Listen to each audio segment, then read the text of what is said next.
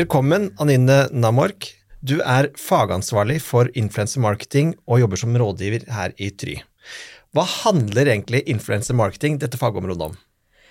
Influencer marketing det handler om å bruke innflytelsesrike personer eh, til å spre merkevarene sine budskap. Enten så bruker vi profilene sine egne kanaler, eller så kan vi ha annonsøren som avsender. Det er et ganske bredt fagområde.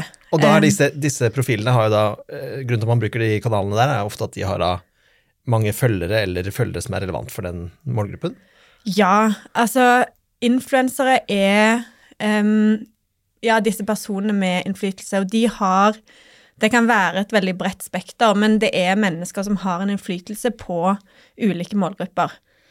Og de er jo mye mer enn en spredningskanal. De er jo mennesker, eh, og vi låner på en måte deres troverdighet og deres merkevare. Samtidig som at de gjør innholdsproduksjon, så det får vi inkludert i de samarbeidene vi gjør med de. Men hvem er det, hva slags type annonsører er det dette egner seg mest for? Det er veldig vanskelig, fordi jeg vil egentlig si alle. Fordi vi har kjente profiler innenfor alle segmenter som er. Og det er derfor jeg tør å påstå at de egner seg for alle. Fordi du har en kjent person innenfor håndverk like mye som du har en kjent person innenfor matlaging.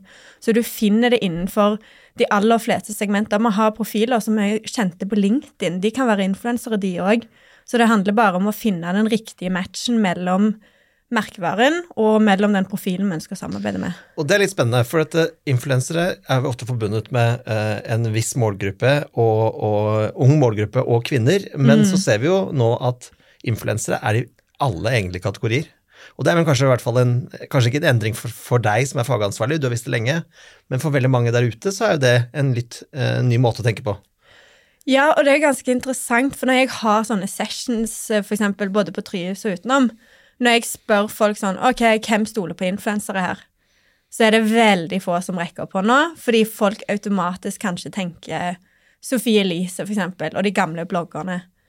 Men hvis jeg begynner å spørre om hvem stoler på Trines matblogg når du skal lage mat, kjempemange som rekker opp hånda. Hvis jeg spør hvem stoler på Fredrik Solvang på Debatten, kjempemange som rekker opp hånda. Så influencer marketing handler jo bare om å finne de personene som har innflytelse innenfor sine segmenter. Og det er veldig mye større enn det folk eh, umiddelbart tenker, da. Men eh, hva slags eh, fordeler er det å, ved å benytte eh, influencer marketing, altså i forhold til eh, kostnadseffekt, eh, visningstid, stoppeffekt osv.? Det du får med influensere som mange merkevarer bruker flere år på å oppnå, det er jo på en måte den troverdigheten.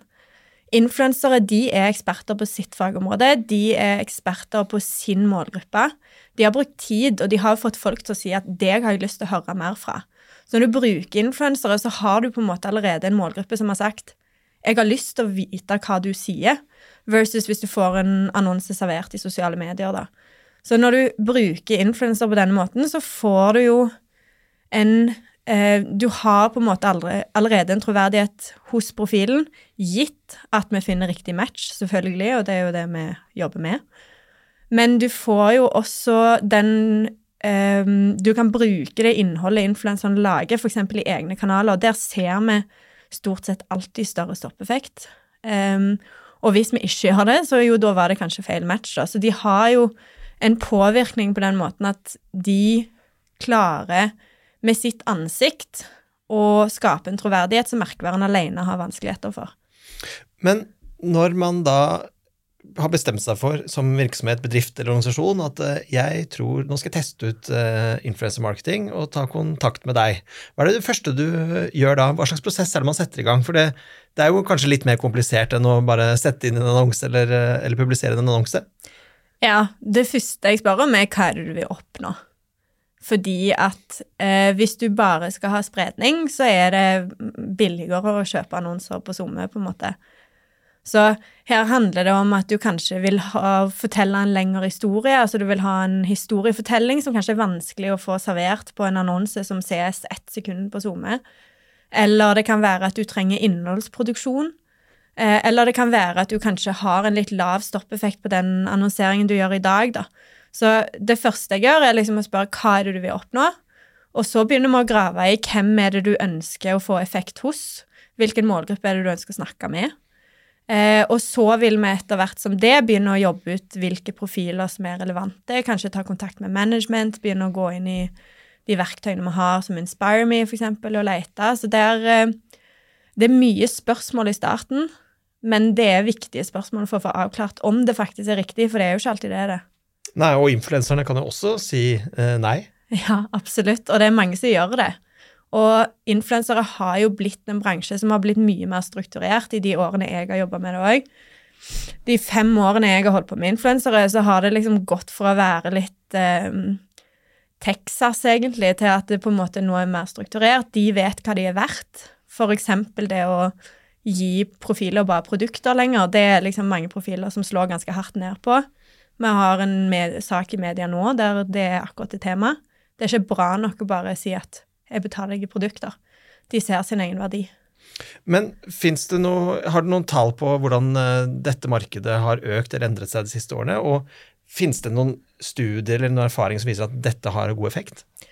Ja, altså medie, Det er mange studier ute, men det er jo flere studier som sier at eh, investeringene i influensemarketing de har økt med flere hundre prosent de siste fem årene.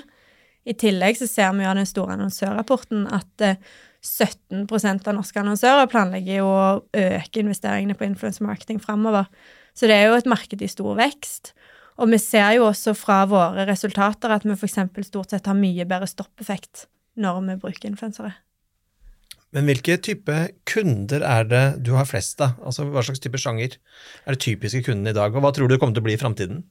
Jeg jobber med, altså jeg jobber med alt fra større internasjonale retail-kunder til at vi jobber med veldig små nisjebedrifter. Så her er det veldig bredt spekter. Som sagt, influenser passer for alle, gitt at du har det riktige målet og altså, du vet hva du vil oppnå, da. Så kan ofte influensere hjelpe med det. Tusen takk for en veldig hyggelig samtale, Anine. Eh, og hvis noen vil vite mer om influensermarketing, så er det jo bare å sende en melding til Anine. Tusen takk. Yes, takk for meg.